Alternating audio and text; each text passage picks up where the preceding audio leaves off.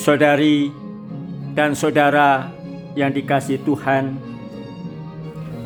hari Senin Pekan Suci, Senin setelah Minggu Palma, kita diajak untuk masuk lebih dalam lagi dalam misteri penebusan Tuhan kita Yesus Kristus. Misteri penyelamatan dari pihak Allah, tetapi juga misteri kedosaan dari pihak kita manusia. Kita orang lemah, kita orang rapuh, kita orang berdosa. Perayaan Ekaristi diawali dengan pembacaan dari kitab Nabi Yesaya. Diperlihatkan di dalam teks kitab Yesaya itu bagaimana Allah akan mengutus rohnya kepada kita untuk menyatakan penyelamatannya, menyatakan kehendaknya, menyatakan hukumnya. Dan yang diutus adalah roh Allah. Maka dikatakan roh itu tidak akan berteriak atau menyaringkan suaranya dan memperdengarkan suaranya di jalan. Sebagaimana dilambangkan lewat peristiwa Minggu Palma, Allah menyatakan rencana kehendaknya dalam kelembutan, dalam kebeningan dan kesederhanaan. Maka Allah memberikan nafasnya kepada kita agar kita tetap hidup, agar kita tetap menemukan kehidupan dan digambarkan tentang diri kita umat manusia digambarkan sebagai buluh yang patah, sumbu yang pudar. Dan Allah menyelamatkan kita dengan cara bagaimana? Dengan cara agar kita buluh yang patah terkulai itu tidak putus. Agar apa? Agar sumbu yang pudar nyalanya itu tidak padam. Allah memberikan kehidupan. Saudari dan saudara, kita diajak juga melihat diri kita saat ini. Kita bisa jadi merasa seperti buluh yang terkulai, seperti sumbu yang pudar nyalanya. Kita gelisah, kita terjepit, kita terhimpit. Lalu kita merasa semuanya serba terbatas. Banyak hal tidak bisa kita lakukan lagi. Kesenangan kita, pekerjaan kita, dan bahkan banyak rencana-rencana kita. Semuanya sepertinya tidak bisa kita lakukan lagi. Semuanya rencana kita, rancangan kita, proyek kita, program kita rasanya sia-sia pada suasana seperti saat ini. Maka bisa jadi kita lalu menggambarkan diri kita seperti yang dikatakan Yesaya, buluh yang patah terkulai, sumbu yang pudar nyalanya. Kita tidak tahu harus berbuat apa. Dan sepertinya gairah dan semangat lalu menjadi pudar. Di tengah semuanya itu, nubuat Yesaya mengatakan, Allah datang kepada kita. Agar apa? Agar kita bulu yang patah terkulai itu tidak putus. Agar sumbu yang pudar nyalanya itu tidak padam. Agar apa?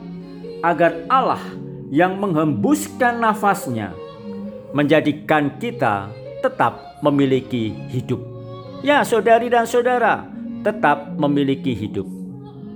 Sehingga dengan demikian Allah datang memulihkan, Allah datang meneguhkan.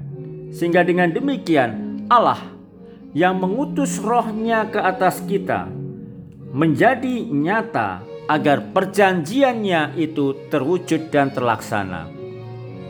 Allah itu setia, Allah tidak pernah mengingkari perjanjiannya.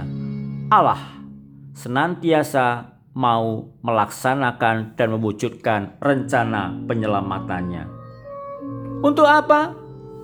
Yesaya melanjutkan, agar kita bangkit, agar kita hidup, agar kita pulih, agar sumbu yang pudar nyalanya ini tidak padam, agar buluh yang terkulai ini tidak patah.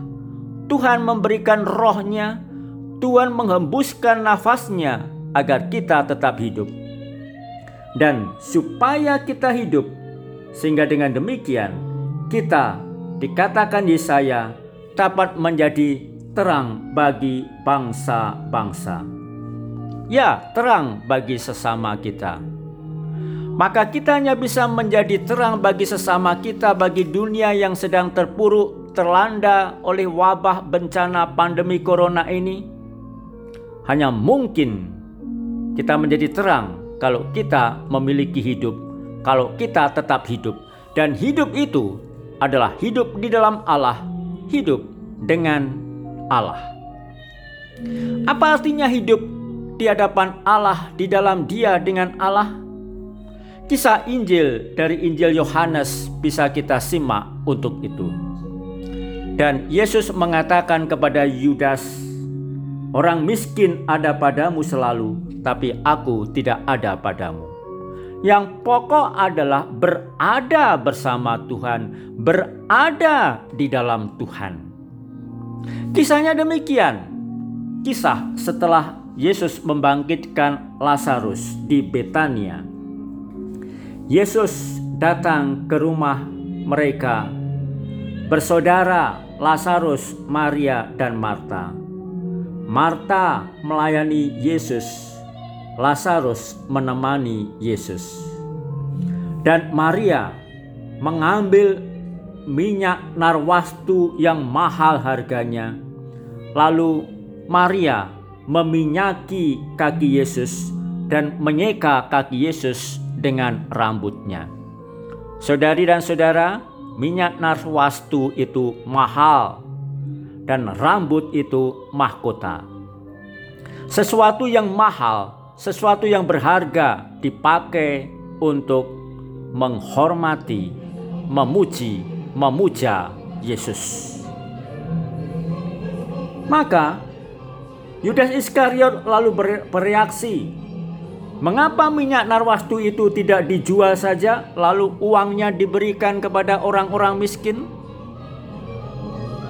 Yesus melihat Masalahnya bukan karena sikap dan semangat sosial Yudas, tetapi masalahnya apa? Karena Yudas orang yang licik, hanya mau mencari keuntungan, kepentingan, dan keenakannya sendiri. Maka memakai kata-kata yang bau sosial, tetapi sebenarnya dia lebih mau merencanakan dan merancang kehendaknya sendiri. Cari nama baik, cari ketenaran, sama seperti saudari dan saudara, banyak orang mengeluh dewasa ini. Orang membantu mereka yang terkena wabah corona, yang miskin menderita, namun dengan pamer, pasang status, wajahnya yang disorot, dan namanya diumumkan. Membantu orang miskin, ya, tetapi pertanyaannya, siapakah yang lebih dibantu? Siapa yang lebih ingin diperhatikan? Jangan-jangan diri sendiri, bukan orang miskin itu, bukan sesama kita, dan apalagi pasti bukan Tuhan. Dirinya lebih penting.